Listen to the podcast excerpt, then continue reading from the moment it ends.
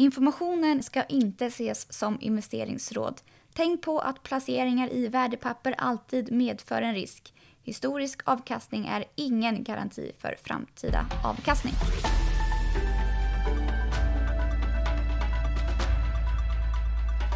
God morgon från Paretodesken den 3 september. Wall Street fortsätter att gå starkt. Paretos Healthcare-konferens är inne på dag två. Och idag ska vi prata den svenska iGaming-sektorn med analytiker Marlon Wernick. Men vi börjar i vanlig ordning i USA där Wall Street eh, Börserna var glada igår. S&P 500 stängde på plus 1,5 procent. Vi ser dock ett stigande VIX-index, vilket kan vara en, en liten varning och man kanske ska tolka det som att man bör vara lite mer försiktig framöver. I Asien handlas börserna lite blandat nu under morgonen och här i Sverige så ser Stockholmsbörsen ut att öppna på plus. Och Marlon Wernick, du pratade ju den svenska gamingsektorn nu på morgonmötet. Det går fortsatt starkt där, eller hur? Det går starkt. Eh, svensk iGaming fortsätter att outperforma internationella peers. Eh, sektorn går väldigt starkt i år. Eh, kollar vi som gått starkare så är NetEnt, Evo på uppsidan eh, och även vår eh, sektorfavorit Kambi som har gått mm. starkt. Så, så det är kul. Mm. Och vi har ju fått en del eh, regleringar i sektorn och det har inte slagit så hårt om andra ord.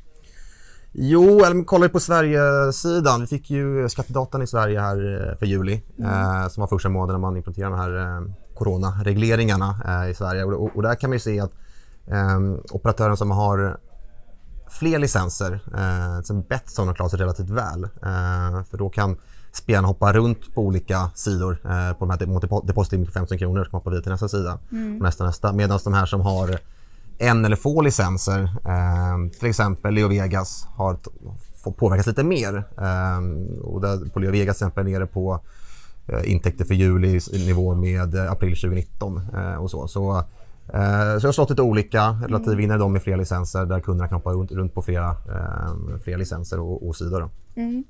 Så kan vi lyfta in hela reglerings, regleringsdiskussionen här och väva in lite Tyskland, Holland, UK också. Mm. Hur ser det ut där?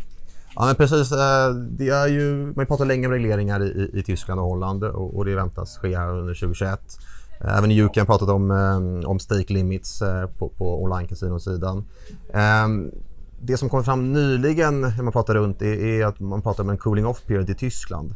Ehm, vilket jag tror inte man riktigt har greppat eh, fullt ut av marknaden.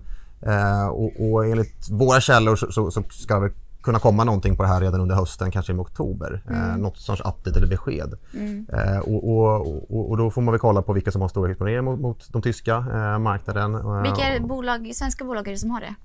Eh, ja, Spire, Leo Vegas, mm. eh, Betsson. Eh, Kindred är väldigt små, kanske har 1 men, men, eh, Så det finns några. Eh, och kollar aggregerat på alla de här tre marknaderna, Tyskland, Holland och UK, sticker också Spire ut med, med högst exponering eh, följt av, av Kindred och, och, och Leo. Mm. Eh, men återigen, eh, att det ska bli reglering är väntat så det är ingenting eh, konstigt. Däremot den här cooling off-perioden eh, kanske kommer lite som en överraskning. Men vi, vi får återkomma här och, se och kolla hur det blir. Mm. Och eh, som du sa så har ju sektorn gått väldigt bra. Börjar det bli lite övervärderat nu tycker du?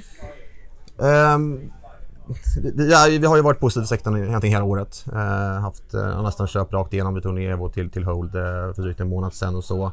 Eh, vi får återkomma lite på, på eh, nu innan Q3 och hur vi gör med våra targets och så. Men, men eh, generellt så har mycket gått mot våra targets och handlas runt våra targets. Mm. Eh, och, och, vi är inte lika positiva generellt till sektorn som vi varit tidigare under året eh, som vi är nu.